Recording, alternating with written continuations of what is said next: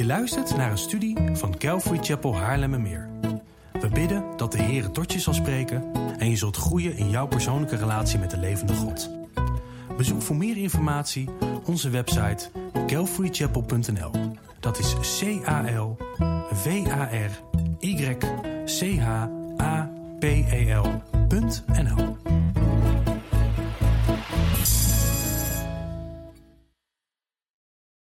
Broeders, laten we bidden. Vader in de hemel. Heer, ik ehm, ben u zo dankbaar voor uw woord, Heer. Heer, dat uw woord zo diep in het hart raakt en de ziel bekeert, Heer. Heer, en ehm, u kent onze harten, Heer. En ik bid dat dit allemaal ter eer en glorie van u mag zijn. In Jezus' naam. Amen. Ehm, het is grappig omdat uh, toen uh, broeder Kobus begon, toen hoorde ik allemaal versen die ik in mijn studie had. Toen dacht ik, oké, dat is weg. En toen ging Stan door en toen waren er de rest van mijn versen. Toen dacht ik, oké, dat is ook weg. Um, maar uh, Mark en ik hebben het gegooid op eenheid van geest, dus laten we het daarbij houden. Um, ik, ik, ik, wil even stilstaan bij hetgeen wat we net ook zongen.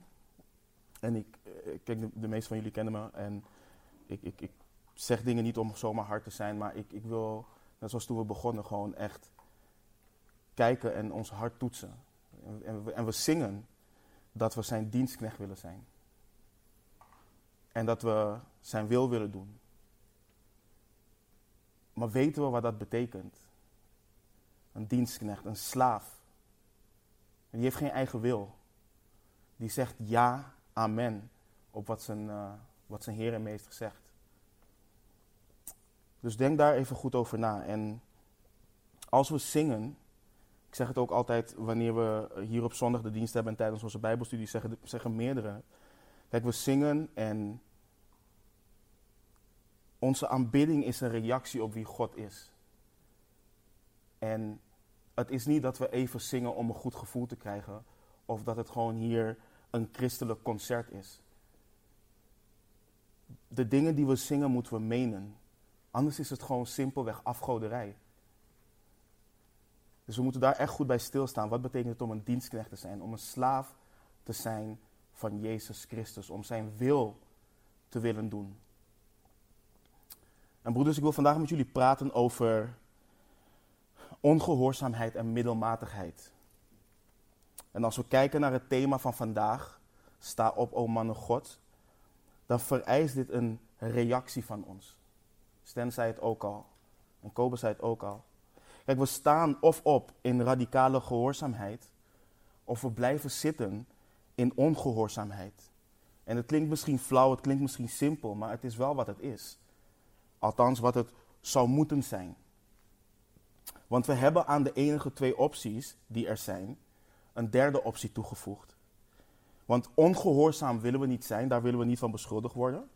Maar radicaal zijn is ons ook net iets te heftig. Dus we nemen genoegen met middelmatigheid. Maar het probleem met middelmatigheid is, is dat middelmatigheid ongehoorzaamheid is in een ander jasje. En zeker wanneer je naar de definitie van het woord kijkt. Van Dalen definieert het woord middelmatig als eerder slecht dan goed. Enkele andere definities online zijn gewoontjes, halfbakken, die horen we ook wel eens, en zwakjes. En ik ga ervan uit dat iedereen het met me eens is dat als je deze dingen, uh, dat je deze dingen niet van de Heer Jezus kan zeggen, en ook niet kan zeggen van de wedergeboren discipelen die we zien in het Nieuwe Testament, die arbeiden voor hem. En volgens mij beleidt iedere man hier vandaag een volgeling van Jezus te zijn. En die wandel met hem moet zijn begonnen in radicale gehoorzaamheid aan zijn roepstem en zijn oproep om je te bekeren en het evangelie te geloven. Als je daar geen gehoor aan hebt gegeven, dan ben je te vergeefs in, in veel enthousiasme heb je beleden een christen te zijn. En, en Stan kaapte hem weg van me, maar hij had hem uit Marcus, dus ik pak hem uit Lucas. Dat, dat had ik toevallig dan wel. De Heer zei in zijn bediening in Lucas 9:23: Als iemand achter mij wil komen, moet hij zichzelf verloochenen, zijn kruis dagelijks opnemen en mij volgen. En dit is een vers die de meesten van ons kennen. En wat bijzonder aan dit vers is, is dat wanneer je de wil hebt om de Heer uh, na te volgen, er gelijk gehoorzaamheid bij komt kijken. En niet zomaar gehoorzaamheid, radicale gehoorzaamheid. Want kijk wat er staat. Als iemand achter mij, aan wil, als iemand achter mij wil komen, moet hij zichzelf verloochenen, zijn kruis dagelijks opnemen en mij volgen. En er zit een vorm eh, van ironie in de uitspraak van de Heer Jezus als je het snel leest. Want hij zegt eigenlijk, als iemand achter mij wil komen, moet hij mij volgen. Dat is eigenlijk wat hij zegt. Maar let op de twee handelingen die essentieel zijn. Het volgen van de Heer Jezus vereist jezelf verloochenen en dagelijks je kruis opnemen. Alleen dan kan ik achter Hem aangaan. Alleen zo, alleen op die manier kan ik Hem volgen. En als ik in ongehoorzaamheid weiger mezelf te verloochenen en mijn kruis weiger op te nemen, dan kan ik geen discipel van Jezus zijn. De Heer Jezus zei zelf in Lucas 14, 27. En wie zijn kruis niet draagt en achter mij aankomt, kan geen discipel van mij zijn. Stan gaf een, een, een definitie van, van, uh, van het jezelf verloochenen. Ik heb hem ook, het is niet veel anders. Maar als je er even goed uh, naar kijkt en wat het impliceert vanuit het Grieks. Het houdt onder andere in dat je jezelf, jezelf afwijst. Je verwerpt jezelf. Je weigert het, je weigert om, om, om je met jezelf te identificeren, om met je eigen ik te identificeren. En het houdt onder andere ook in dat je bewust afstand doet van de regie over jouw leven. Je doet afstand van jouw zogenaamde recht om jezelf te kunnen zijn of jouw eigen ideeën van wie of wat je wilt zijn. Maar waarom zou je dat doen? Waarom zou iemand met een gezond verstand zichzelf afwijzen, zichzelf verwerpen en weigeren om geïdentificeerd te worden met zichzelf? Omdat op het moment dat de Heer Jezus jou en mij vond en jou in zijn genade de mogelijkheid gaf om achter hem aan te gaan, je dood was in jouw overtredingen en zonden. Je was onverstandig, ongehoorzaam, dwalend, verslaafd aan allerlei begeerten en hartstochten, levend in slechtheid en afgunst, hatelijk en elkaar en anderen hatend.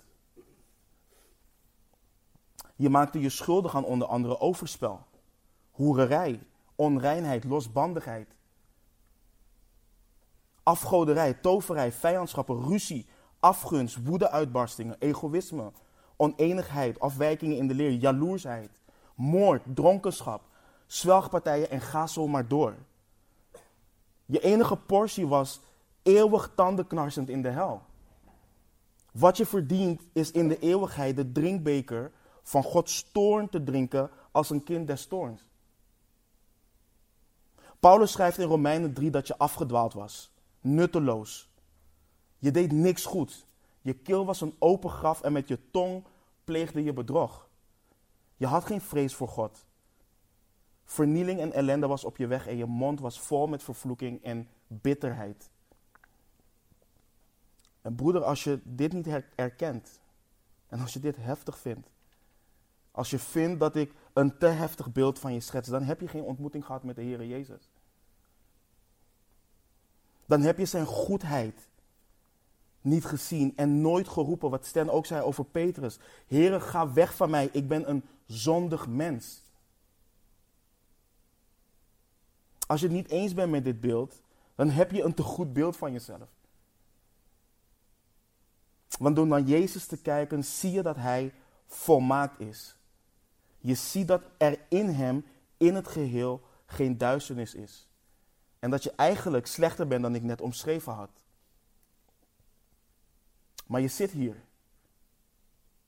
En je beleidt dat de Heere Jezus jou in zijn genade geloof heeft gegeven. Geloof heeft geschonken dat je opnieuw geboren bent. En je beleid dat je Hem achterna gaat. Dat je jezelf hebt verloochend en je kruis hebt opgenomen en Hem volgt. En wellicht beleid je net als Paulus. Ik ben met Christus gekruisigd.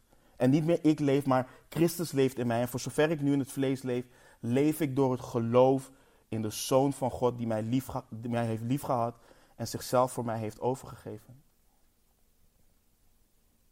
Maar broeders, is, is dat echt zo? Ik zie namelijk steeds meer ongehoorzaamheid en middelmatigheid de kerk insluipen. En ik moet eerlijk zijn, ook bij ons als Calvary Chapel. Een simpel voorbeeld. Sinds, ik weet dat sinds ik de gemeente in Haarlemmermeer ben ingelopen, hoor ik... Ik heb Matthäus 28 meer dan ooit tevoren gehoord. De grote opdracht. Het is een gebod. Ga dan heen, onderwijs al de volken, hen dopend in de naam van de Vader en van de Zoon en van de Heilige Geest. Hun leren alles wat ik u geboden heb in acht te nemen. Dat is een gebod wat we hebben gekregen. En veel beleidende christenen gaan hiermee om alsof het een suggestie is. Maar het is een gebod. En waar ik me over verbaas is, weet je, als je 5, 10, 15, 20 jaar als IT'er, lasser, marketeer of wat dan ook werkt, dan wordt er op een gegeven moment in, in, in je carrière, een punt in je carrière, wordt er van je verwacht dat wanneer er stagiaires binnenkomen, wanneer er junioren binnenkomen, nieuwe collega's binnenkomen, dat je ze mee kan nemen op sleeptouw. Dat je ze kan laten zien wat het bedrijf inhoudt, hoe je de functie uitvoert en al dat soort dingen. En we komen daar niet meer weg door te zeggen van nee, weet je, dat, dat, dat, staat niet in mijn functieomschrijving. Ik wil dat niet doen, ik kan dat niet doen, ik heb zelf nog begeleiding nodig. En dat is middelmatig. De wereld accepteert in die zin geen middelmatigheid. Maar alleen binnen het christendom. Alleen binnen het christendom komen we ermee weg. Door na vijf, of om met, na 5, 10, 15 jaar, 20 jaar nog te zeggen: Ik voel me niet geroepen om iemand te discipelen. Ik moet zelf nog gediscipeld worden. Ik heb niet alle wijsheid in pacht.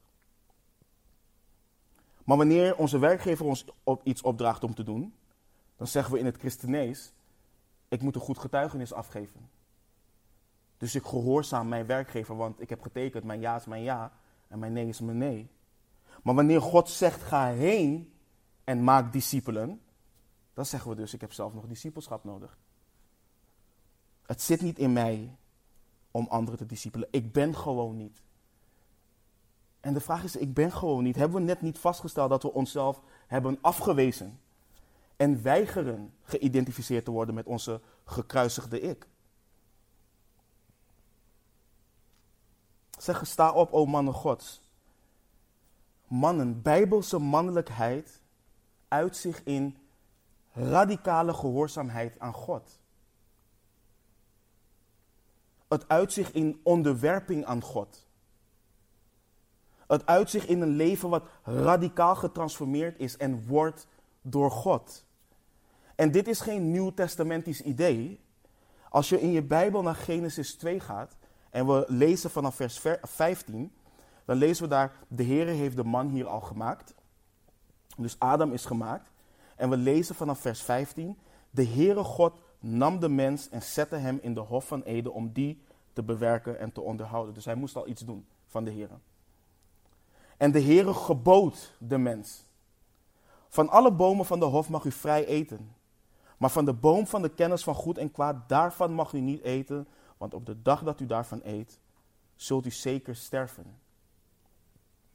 Dus het eerste wat we lezen wat God doet aan de mens is hem zeggen wat hij wel of niet moet doen. God geeft de mens direct een wet. Hij geeft de mens direct een gebod. En soms denken we hè, dat het werken voor God, het werken voor de Heer Jezus, of het werken op aarde, dat dat iets is gekomen wat pas na de val is gebeurd. Maar we zien hier dat Adam daar is geplaatst om die te bewerken en te onderhouden.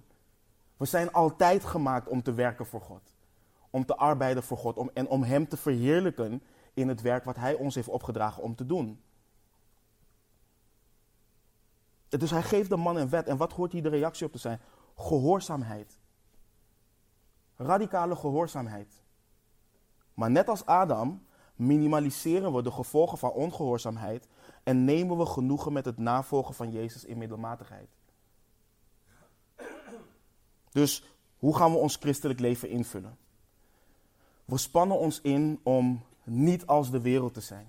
Niet te wandelen als de wereld, niet te praten als de wereld en niet te denken als de wereld. Maar het ding van het radicaal navolgen van Jezus is niet alleen dat we niet als de wereld moeten zijn.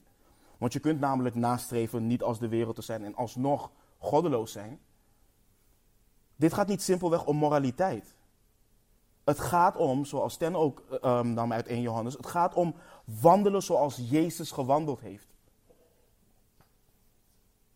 En dan kun je zeggen, ja maar God vraagt het onmogelijke van me. Het is al moeilijk genoeg om niet uh, als de wereld te, zijn. En nu moet ik uh, radicaal achter Jezus aangaan. En het ding is, nee, God vraagt je niks. Hij gebiedt het je. Jezus heeft ons niet gevraagd om onszelf te verloochenen. Hij heeft ons ook niet gevraagd om ons kruis op te nemen. Hij heeft het ons geboden. Het was geen suggestie waarover we met hem in onderhandeling konden gaan en kijken hoe ver we ons kruis kunnen dragen. Je moet met hem mee naar die berg. En daar moet je sterven. Ja, maar ik kan het niet. En dat is waar je hoort te zijn. Want broeders, het probleem met ongehoorzaamheid en middelmatigheid zit hem niet in het kunnen. Want we kunnen het niet. Maar erkennen we, geven we toe dat we het niet kunnen in plaats van onze eigen wandel invullen en genoegen nemen met de excuses die we bedenken. Als we het niet kunnen, maar het wel willen, is dan niet de enige juiste reactie dat we onszelf werpen op Hem die het willen en het werken in ons doet? Is dan niet de enige reactie dat we ons werpen op degene die ons de geboden geeft?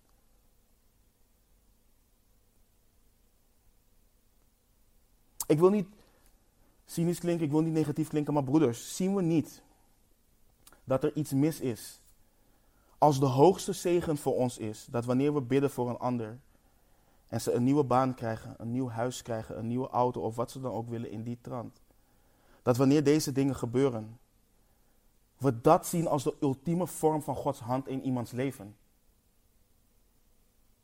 En begrijp me niet verkeerd, prijs de Heer, prijs de Heer voor alle materiële zegeningen en een verhoord gebed.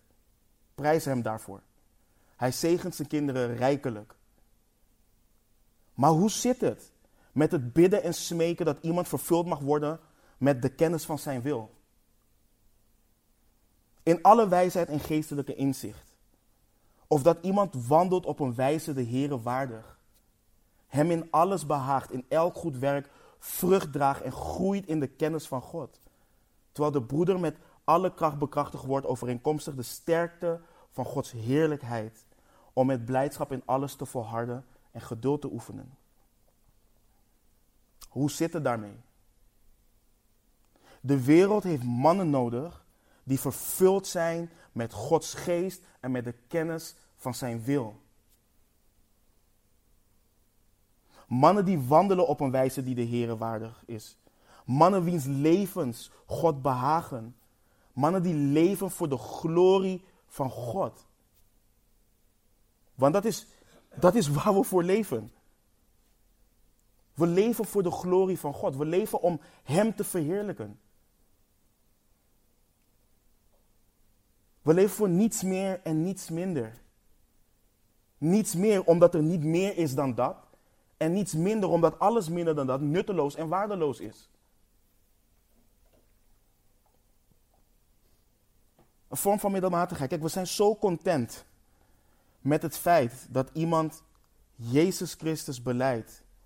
Dat we niet eens meer kijken naar het feit of dat leven daadwerkelijk gegrepen is door God en vrucht draagt. We kijken niet naar gehoorzaamheid. Net zoals Stan net al zei van, wie ben jij om te kijken in mijn leven? Wie ben jij om te spreken in mijn leven? We kijken niet naar toewijding. Wanneer we zeggen dat iemand stille tijd moet hebben, dan word je gelabeld als een legalist of een fariseer, want het moet niet daarvan afhangen. Ochtends vroeg opstaan in de Bijbel lezen maakt me geen christen. Dat zijn, ik, zijn de meest dwaze uitspraken die ik heb gehoord. Niemand suggereert dat wanneer je opstaat dat dat je een christen maakt. Maar iemand drukt het op je hart dat het vroeg opstaan en God zoeken, en dat, dat daar een zegen in ligt. We kijken niet naar het feit of het leven daadwerkelijk wordt geleid voor de glorie van God. Nee, zolang iemand een gebed heeft gebeden en Jezus heeft gevraagd om in zijn hart te komen, dan is het goed. Ik heb dat gebed nergens in de Bijbel gezien. Nergens heb ik in de Bijbel gezien, vraag Jezus om in je hart te komen.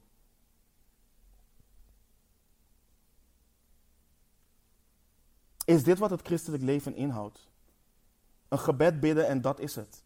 En vervolgens vul ik mijn leven in hoe ik dat zelf wil. Is dat wat het betekent om Hem na te volgen? En het antwoord is nee. Kijk, Jezus navolgen betekent een, een ongekende commitment maken aan Hem. Je hebt jezelf als het ware aan Hem vastgemaakt. En het feit dat je dat hebt gedaan hoort te resulteren in een volledig getransformeerd leven. Geen enkel aspect in jouw leven kan onaangetast blijven. En is dat iets waarvan we, wat we kunnen zeggen in het verborgene van ons hart? Door de genade van God is dat zo bij mij. En als dat niet zo is, dan vrees ik voor je dat je wellicht nooit gegrepen bent voor God, door God. En voordat je denkt, Jude, dat is wel echt ongenuanceerd. Laat me, in, in, in, laat me een leven in de schrift zien.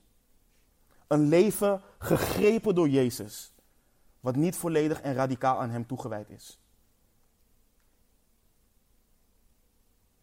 En ik heb het niet over een perfecte wandel. En kijk, dit is ook wat ik bedoel met middelmatigheid. Want wanneer je dit soort dingen zegt, leven we nu in een tijd als christenen dat je gelijk nuances erbij moet gaan brengen. Nee, ik heb het niet over een perfect leven. Als we de schrift zouden kennen, dan had ik die nuance er niet bij zouden hoeven. Als we de schrift kennen en weten dat het navolgen van Jezus Christus iets radicaals is, dan hoef ik er niet bij te zeggen, ja, maar ik heb het niet over een perfect, zonderloos leven. Maar dat is wat we tegenwoordig moeten doen. En dus ik heb het niet over een perfect leven of een perfecte wandel. Maar ik heb het over een leven wat niets anders kan dan zichzelf volledig geven aan Jezus Christus. Een leven wat er naar snakt om te weten wie is de Heere Jezus? Wat heeft Hij gedaan? Wat heeft Hij geboden? Om van Hem te horen en met Hem te zijn. Een, een ander voorbeeld van hoe content en comfortabel. En ik heb dit zelf meegemaakt. En hoe content we zijn geworden in middelmatigheid. We zijn zo content in middelmatigheid dat zodra we een broeder horen spreken over zijn liefde voor het, voor het woord. En het feit dat hij dag en nacht verlangt naar het woord. We zeggen, God roept jou vast om een voorganger te worden. God roept jou om de Bijbel te onderwijzen. Dat is waar we zijn. Of wanneer iemand een verlangen heeft om een ander tot zaligmaking te zien komen, zeggen we: God heeft hem het hart van een evangelist eh, gegeven. En roept die persoon tot evangelisatie. En ik moet denken aan een van de meest um, nederigmakende momenten die ik heb gehad met, met Stan. Toen ik ook vertelde van, ik belde hem, ik zei, bro, ik heb zo'n verlangen, zo'n verlangen om het woord te kennen en om het woord te delen. En Stan zei direct, kijk, je moet niet denken omdat je dat verlangen hebt dat je geroepen wordt om een voorganger te zijn. Iedere christen hoort dat verlangen te hebben. Iedere christen hoort het verlangen te hebben om het woord van God te openen en zich daarin te bevinden. Om te zwemmen in de rijkdom en diepte die er zit in dat woord.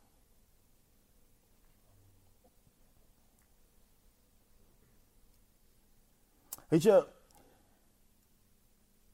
we leven in een periode waarin we denken en waarin we vinden en waarin we de wereld bestempelen als een wijs wereld. We zijn 2000 jaar verwijderd van de tijd in de Bijbel.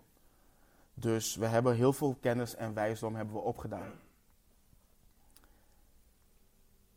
En wat we zien is dat we psychologie mixen met het christendom. En wat doen we? En we zeggen dan, weet je, ga momenteel door een dal en ik heb geen verlangen nu om Gods woord te openen. En weet je, ik neem even tijd voor mezelf. Ik kom voorlopig ook niet naar de gemeente. Dan zeggen we van, ja, hij heeft, even, hij heeft even tijd nodig. God is geduldig met hem. Nee, hij is ongehoorzaam. Je bent ongehoorzaam. De Bijbel roept ons op om samen te komen. En we moeten ervan af dat we Gods attributen pakken, zijn kenmerken pakken en dat draaien naar onze ongehoorzaamheid, om ons daar comfortabel in te voelen. Ja, ik ken de Bijbel niet. Dus hoe moet ik dan met mijn vrouw het woord ingaan? Dat is jouw nalatenschap in, in het feit dat je de Bijbel opent. Zorg ervoor dat je het kent. Want je wordt opgeroepen om je vrouw te, schoon te wassen met het waterbad van het woord.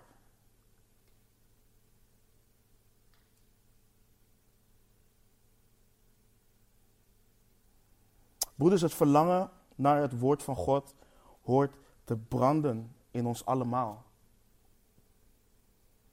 Dit is niet iets wat weggelegd is voor de voorganger, leraar of evangelist.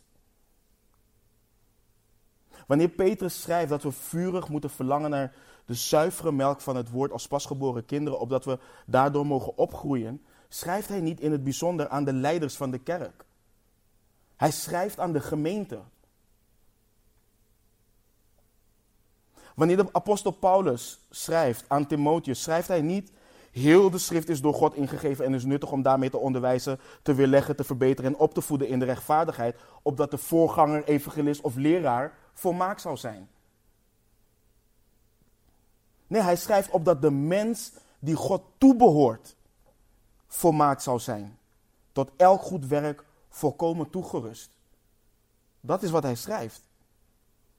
Want Paulus schrijft ook in zijn brief aan de Efeziërs, in Efeze 2, vers 10, want wij zijn maaksels geschapen in Christus Jezus om goede werken te doen die God van tevoren bereid heeft, opdat wij daarin zouden wandelen.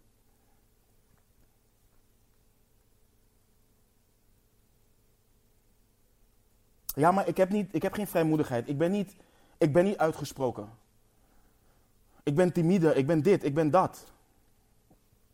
En ik wil een belangrijk ding tackelen wanneer het gaat om een, over een leven met en voor de Heer Jezus Christus. Want een van de grootste misvattingen in het christelijk leven is dat wij als personen bijzonder moeten zijn. Dat we uit goed hout gesneden moeten zijn om voor de glorie van God gebruikt te worden. Dat we bepaalde kwaliteiten moeten bezitten om te kunnen wandelen in de goede werken die God van tevoren bereid heeft. Weet je, wanneer je kijkt naar 1 Timotheus 3 hè, en, je, en je kijkt naar al die eigenschappen van een, uh, een, een oudste, een opziener, of je kijkt naar die van een diaken. Paulus omschrijft daar geen voorganger, hij omschrijft een volwassen christen. Dat is wat hij omschrijft. Hij schrijft zoals wij horen te zijn, met z'n allen.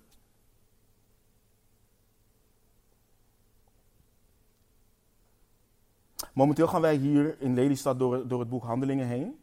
En afgelopen zondag eh, zijn we door, uh, hebben we hoofdstuk 4 afgemaakt. En er was één vers wat er in het bijzonder uitsprong bij mij. En dat was vers 13. En we lezen daar in Handelingen 4, vers 13. Toen zij nu de vrijmoedigheid van Petrus en Johannes zagen. En merkten dat zij ongeleerde en eenvoudige mensen waren. Verwonderden zij zich en herkenden zij hen als mensen die met Jezus samen geweest waren. En Petrus en Johannes staan hier momenteel terecht voor de machtigste religieuze mannen van Israël. Dit is, dit is alsof wij voor de Eerste Kamer terecht zouden staan. Voor de Eerste en de Tweede Kamer en de machtigste advocaten van Nederland die voor de overheid werken. En Petrus confronteert deze machtige mannen. Dezelfde mannen die de Heer Jezus eerder hebben gekruisigd met het feit dat zij hun Messias hebben gekruisigd en dat zij ook nog in zalig moeten worden. En dat de manier waarop ze zalig moeten worden alleen mogelijk is door de Messias die zij hebben laten kruisigen. En let op wat er staat. Ze zagen en merkten dat Petrus en Johannes ongeleerde en eenvoudige mensen waren. Het waren geen mensen met status. Dit waren geen mannen die naar bijbelschool zijn geweest. Dit waren geen mannen die van nature vrijmoedig waren. Dit waren mannen vervuld met de geest van God, die samen met Jezus geweest waren. We weten dat Petrus een paar maanden geleden de Heer Jezus heeft verlogen. Drie keer. En niet voor machtige mensen, voor een dienstmeisje. Dus van nature was Petrus niet vrijmoedig.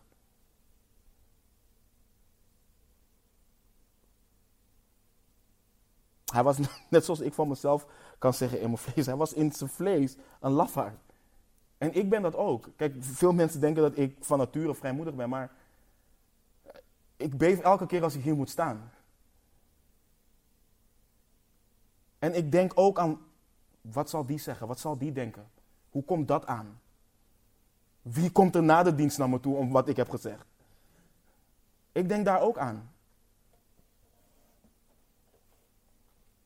Maar ik denk aan wat Petrus en Johannes zeggen. Wij kunnen niet nalaten te spreken over wat wij gezien en gehoord hebben.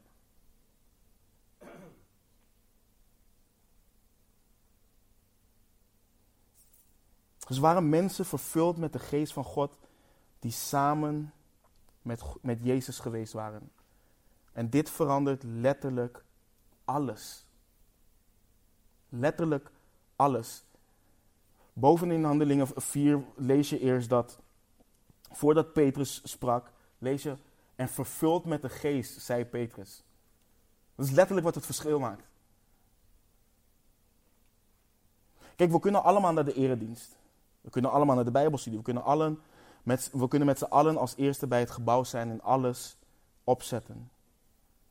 Maar als we niet met Jezus zijn, dan maakt het helemaal niets uit. Als we niet zitten aan zijn voeten en de kostbare woorden die hij heeft gesproken en voor ons gedocumenteerd zijn, niet tot ons nemen, dan maakt het helemaal niets uit.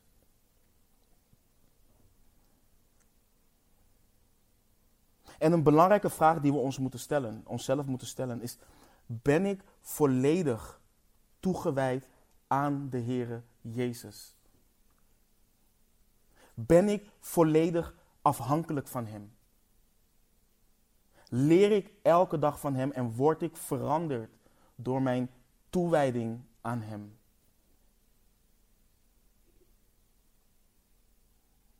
En ik hetzelfde ook hè, met ook een, een ding wat ik hoor sinds ik naar Calvary Chapel kom. Lees je Bijbel, bid elke dag. Lees je Bijbel, bid elke dag. We leven in een periode dat wanneer je tegen mensen zegt dat ze hun Bijbel moeten lezen. Ja, maar het gaat om met Jezus zijn.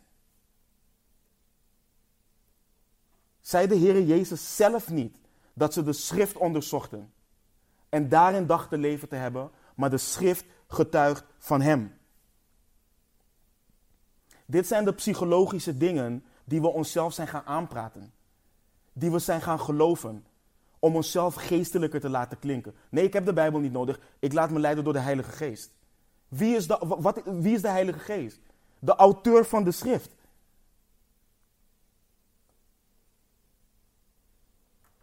Dus we moeten onszelf die vragen stellen. En, eh, stellen. en een belangrijk ding is daarin, als je bang bent om nee te zeggen, ben ik volledig toegewijd aan Hem.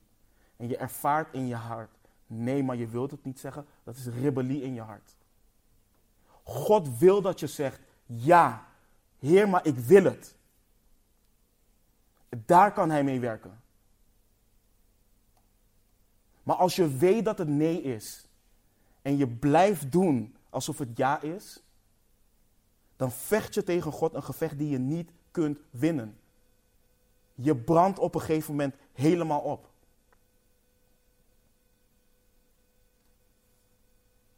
Een van mijn favoriete versen uit het Nieuwe Testament is, is Romeinen 12, vers 1.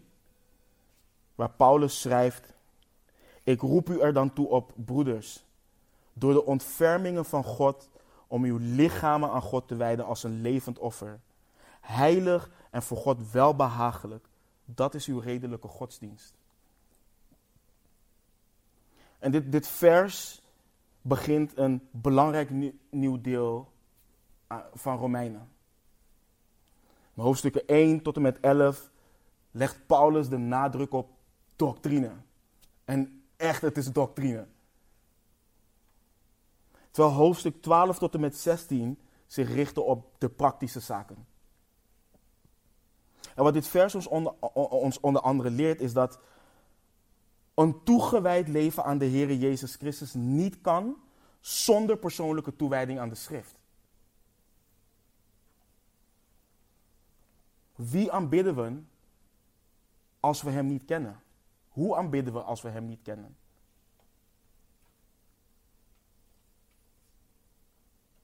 De Heer Jezus navolgen zonder Hem te zoeken in de schrift is alsof je een huis bouwt zonder fundering. En het creëren van de fundering, een solide fundering, als het gaat om het bouwen van de huis, is misschien niet spannend. En is ook niet leuk om naar te kijken. Maar zonder die fundering staat je huis niet lang. Maar aan de andere kant zou het nutteloos zijn om al je tijd aan het fundament te besteden en nooit het huis te bouwen waar je in wilt wonen. Dus het hele punt van het leggen van, van de fundering is dus het huis bouwen waar je in wil wonen. En dat is, dat is die fijne lijn, dat is die fijne wandel waar het om draait.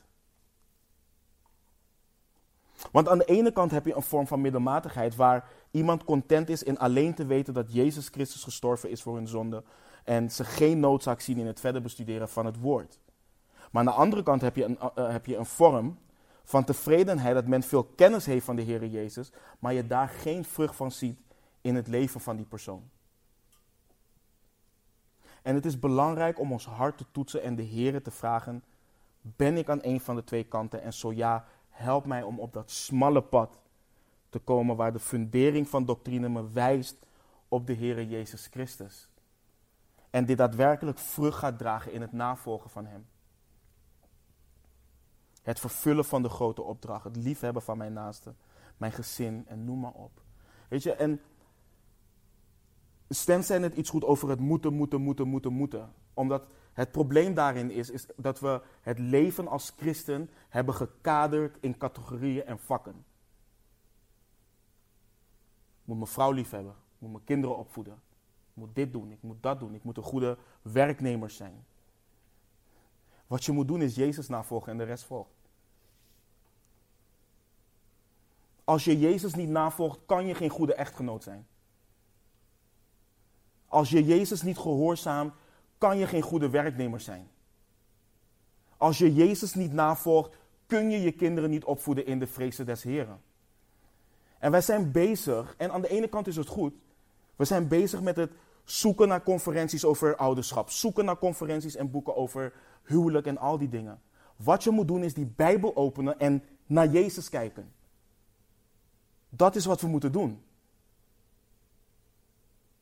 Er zal geen boek ons leren, hoe goed het ook is en hoe vol het zit met Bijbelversen, hoe we een goede echtgenoot voor onze vrouw kunnen zijn. Geen boek en geen conferentie in die zin. Wat ik, wat, wat, wat ik prachtig vind aan, uh, aan Romeinen 12, vers 1, is dat Paulus zegt in dat vers, wat ik net uitlegde over de eerste elf hoofdstukken van uh, pure doctrine en genade, zegt hij eigenlijk, en dit is heel belangrijk voor ons, omdat je Gods genade ervaren hebt, geef jezelf volledig aan Hem over. Dat is wat hij zegt. Omdat je beleidt een christen te zijn, omdat je beleidt Jezus na te volgen, is het enige wat je kunt doen jezelf volledig aan Hem geven als een levend offer. En we moeten kijken naar een aantal, aantal belangrijke dingen. De toewijding waar Paulus over schrijft, is als eerste een kwestie van onze wil. Het is niet iets wat automatisch gebeurt. Je wordt niet morgenochtend wakker en denkt: Ik ben vurig voor de Heer. Het gebeurt niet zomaar. Het is een beslissing waar je over moet nadenken, waar je mee moet worstelen en die je moet nemen. Niemand anders kan het voor je doen. Kijk, broeders in de gemeente kunnen naar je toe komen en zeggen: Bro, je hebt fellowship nodig. Kom, en, kom bij je broeders. Ze kunnen je zeggen: Bro, je moet die Bijbel openen. Maar door te zeggen dat je die Bijbel moet openen, gaat die niet open. En door te zeggen dat je naar de fellowship moet komen, kom je niet automatisch. Je moet die keuze maken, je moet hem nemen.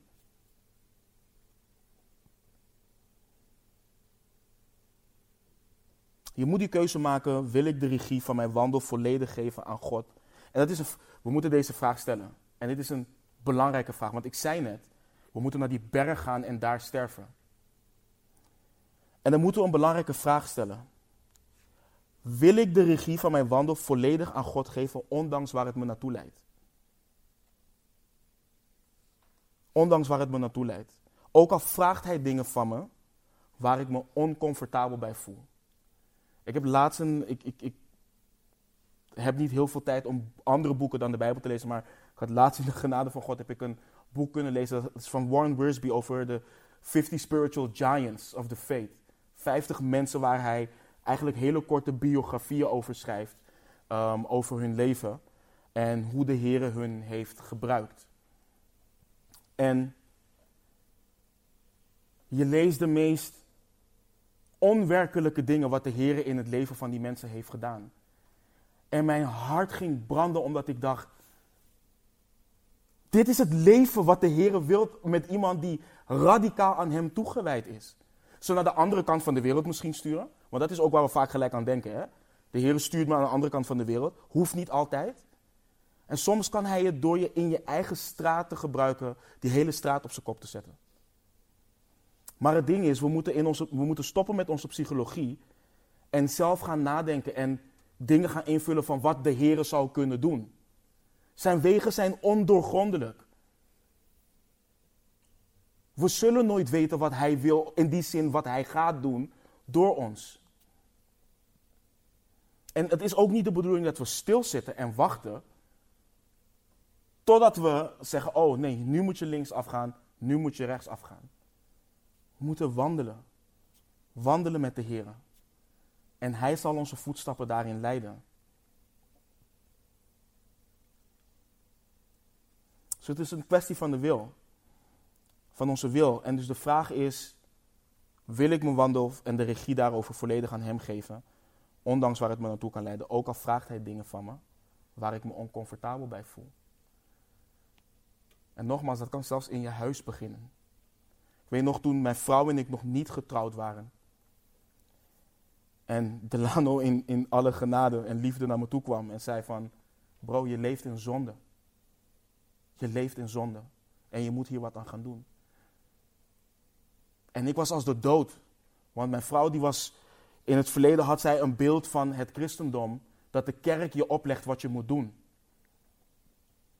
En daar kom ik dan, radicaal bekeerd, alleen maar praten over bazuinen uit openbaring. En dan vervolgens nog tegen haar zeggen van, yo, we moeten gaan trouwen. En wat ga ik dan doen? Want dat zorgt voor spanning in ons huis. Maar ik kan niks anders dan God gehoorzamen. En uiteindelijk zal zij later zien, en dat heeft ze ook gezien, hij was gehoorzaam aan God. En dat is belangrijk. Want als hij gehoorzaam is aan God, dan zal hij mij ook kunnen leiden. In gehoorzaamheid aan God.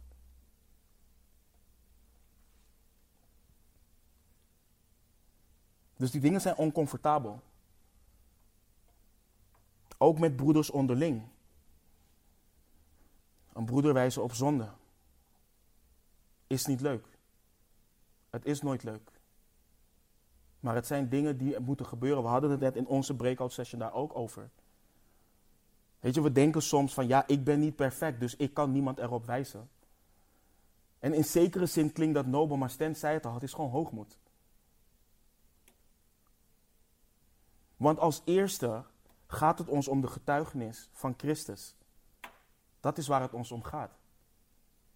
Ben je daadwerkelijk bezorgd En kijk je naar de wandel van iemand omwille van het getuigenis van Christus. Niet omdat jij jezelf beter voelt of omdat je goed bent. Nee, omwille van Christus. Een ander belangrijk punt waar Paulus ons toe oproept, ehm, is dat het voortdurend is.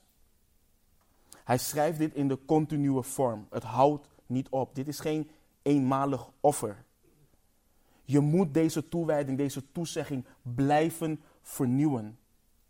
Alles waar je je op dit moment bewust van bent, dat geef je aan God. Maar naarmate je groeit in je wandel, word je bewust van aspecten in je leven die nog niet aan, die nog niet aan Hem zijn onderworpen. Dus die dingen leg je vervolgens ook op het altaar. En je geeft jezelf keer op keer over aan Hem. Elke dag weer opnieuw. Van moment tot moment. En er is natuurlijk een eerste keer dat je je hele leven aan de Heer geeft om te doen wat Hij wil dat je doet. Maar het is dus ook progressief, progressief naarmate je meer over jezelf en van de Heer leert begrijpen door zijn woord. Een ander belangrijk punt is, ehm, en dat komt continu terug, ehm, is dat we onszelf dus volledig toewijden. En daarmee refereer ik dus naar het woord lichamen. En niet alleen fysiek ons lichaam. We denken ook aan de gezindheid waar Paulus over schrijft in vers 2. Dat ons denken hernieuwd moeten worden. Ons denken, denk ook aan je ogen en je oren. Waar kijken we naar? Waar luisteren we naar? Weet je, we, leven in een tijd waarin dus mensen fariseeën worden genoemd wanneer je zegt van, je luistert naar muziek wat God niet verheerlijkt. Dan ben je legalistisch. Maar Paulus zegt, bedenk alles wat goed is. En ik had hier, in het, net toen ik tot bekering kwam, um, voor de mensen die het weten, ik luisterde alleen maar naar R&B muziek. Voornamelijk naar slow jams. Je weet toch die rustige Barry White dingen. Dat is waar ik de hele dag naar luisterde. En toen ik radicaal tot bekering kwam, begon ik die lyrics te luisteren. En dan hoor ik dingen als van, ik kan je dingen geven die jouw man je niet kan geven. Overspel. We laten ons entertainen door iemand die zingt over overspel. En wanneer iemand ons daarop aanspreekt, noemen we die persoon een legalist. Maar we laten ons daardoor entertainen. Hetzelfde met series waar we naar kijken.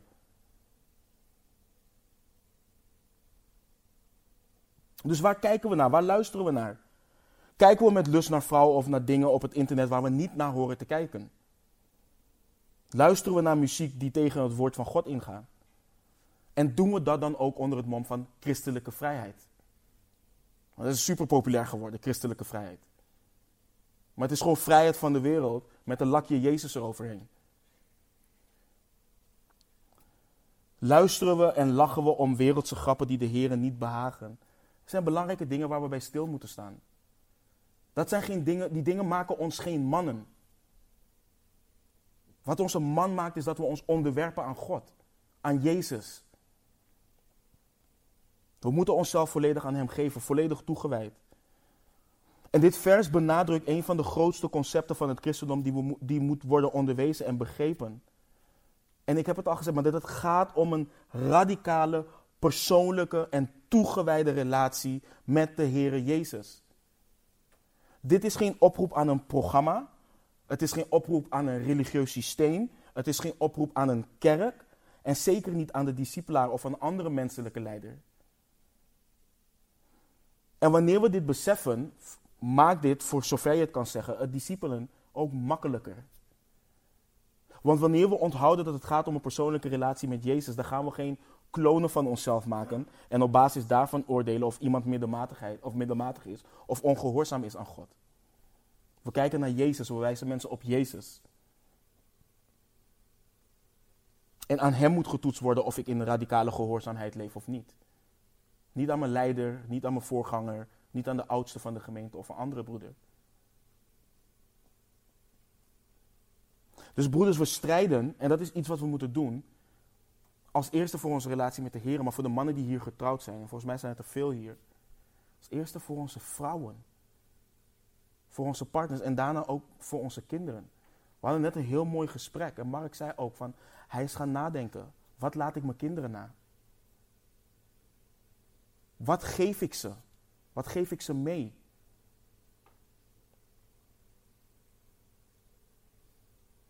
Dus we strijden tegen ongehoorzaamheid en middelmatigheid door ons te richten op Jezus Christus, de leidsman en voleinder van ons geloof. Dit houdt dus in dat we ons leven, wie we zijn, wat we doen, toetsen aan Hem. We kijken niet naar een broeder die het in onze ogen minder, minder doet. We kijken ook niet naar een broeder die het in onze ogen beter doet. We leunen en steunen niet op onze eigen inzichten en wijsheid, maar we kijken naar de Heere Jezus Christus. We kijken naar God. En één ding, ik, ik noemde het net al, we hadden het over de zon, we hadden het over onze staat hiervoor. En Om Kobus had mijn versen gebruikt. maar ik wil weer met jullie kijken naar Ezekiel 36. Vanaf vers 24. Want ik zei net al, hè, waar je moet zijn is dat je toegeeft dat je het niet kan. En dan lezen we vanaf vers 24. Ik zal u uit de heidevolken halen en u uit alle landen bijeenbrengen. Dan zal ik u naar uw land brengen. Ik zal rein water op u sprenkelen en u zult rein worden. Van al uw onreinheden en van al uw stinkgoden zal ik u reinigen. Dan zal ik u een nieuw hart geven en een nieuwe geest in uw binnenste geven. Ik zal het hart van steen uit uw lichaam wegnemen en u een hart van vlees geven. Ik zal mijn geest in uw binnenste geven ik zal maken dat u in mijn verordeningen wandelt en dat u mijn bepalingen in acht neemt en zal houdt. U zult wonen in het land dat ik uw vaderen gegeven heb. U zult een volk voor mij zijn en ik zal een God voor u zijn. Ik zal u verlossen van al uw onreinheden. Ik zal roepen tegen het koren en ik zal het veel doen worden. Ik zal u geen hongersnood opleggen. Ik zal de vrucht van de, boom, van de bomen en de opbrengst van het veld vermeerderen zodat u onder de heidevolken de smaad van de hongersnood niet meer ontvangt. U zult uw slechte wegen en uw daden die niet goed waren herinneren. U zult walgen van uzelf om uw ongerechtigheden en om uw gruweldaden. Nadruk ligt op God. Hij is het die het doet. Hij is het die het doet. En ik weet dat dit, dit, dit gedeelte gaat specifiek over Israël, dus het is niet dat we profetie één op één eh, toepassen op onszelf. Maar je, je, je kunt dit ook zien als precies wat de Heer Jezus in Johannes 3 zei over je moet opnieuw geboren worden. En wanneer dat is gebeurd, kun je niks anders doen dan je houden aan zijn verordeningen. Dat je daarin wandelt en dat je zijn bepalingen in acht neemt. Het kan niets anders. Het kan niet anders. En ik wil me bijzonder wenden aan broeders hier, misschien luisteren mensen terug of wat dan ook.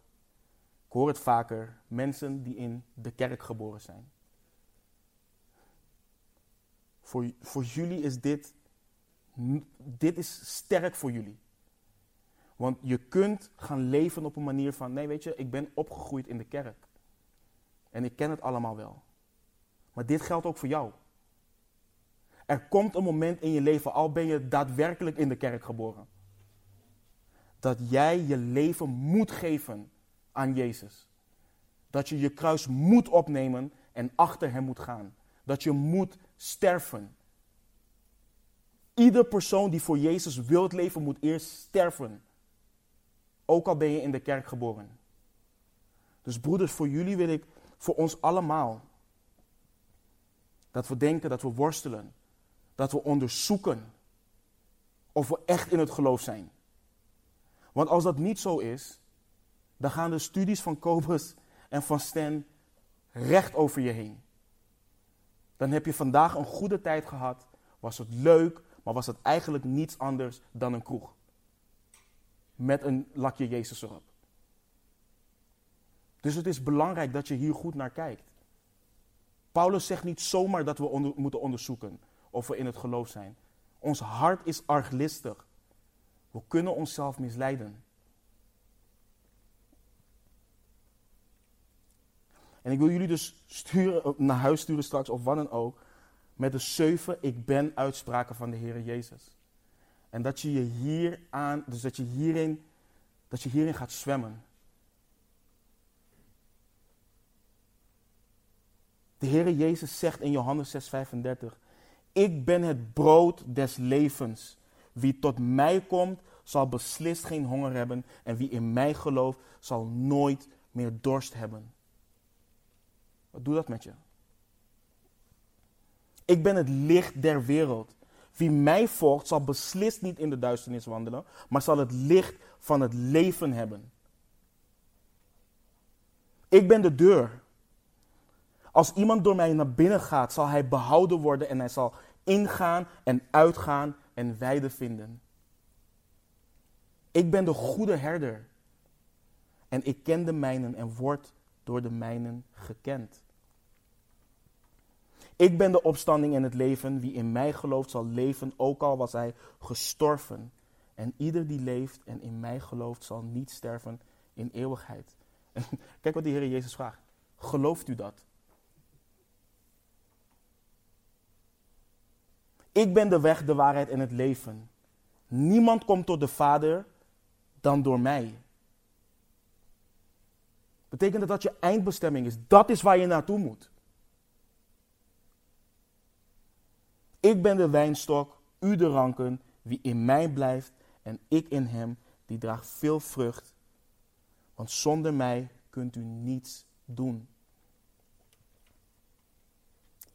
Broeders, ik wil de kanttekening plaatsen. Ik, ik, ik predik hier geen christelijk leven van werken. We zijn zalig gemaakt uit genade. Maar genade is geen excuus voor ongehoorzaamheid en middelmatigheid. Laten we bidden. Heere God,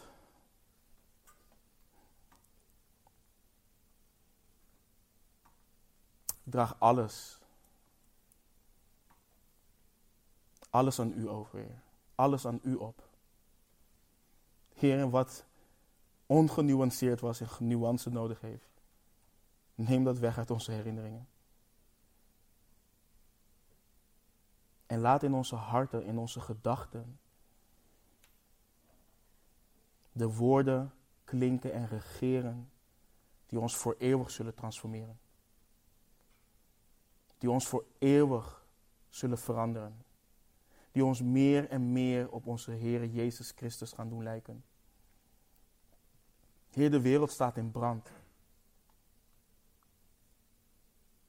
De wereld staat in brand en het wordt alleen maar erger. En u heeft ons als uw zonen het goede nieuws gegeven. En u heeft ons opgedragen om het zout der aarde te zijn en het licht van de wereld. En Heer, eerlijk, ik weet met mijn eigen verstand, weet ik niet eens hoe dat moet, maar ik vertrouw op u dat u dat werk, dat werk in mij doet. Maar ook voor mijn broeders.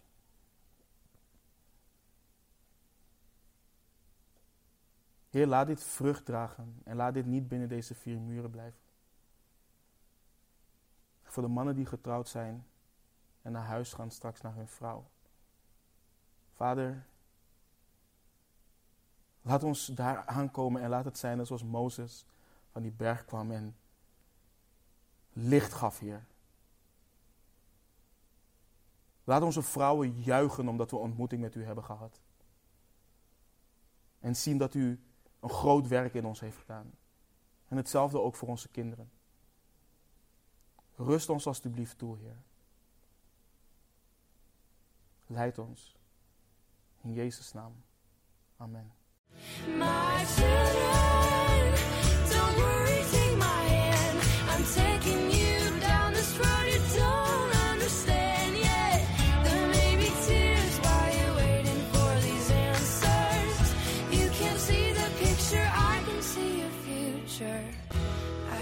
Tell you right now, it's gonna be alright.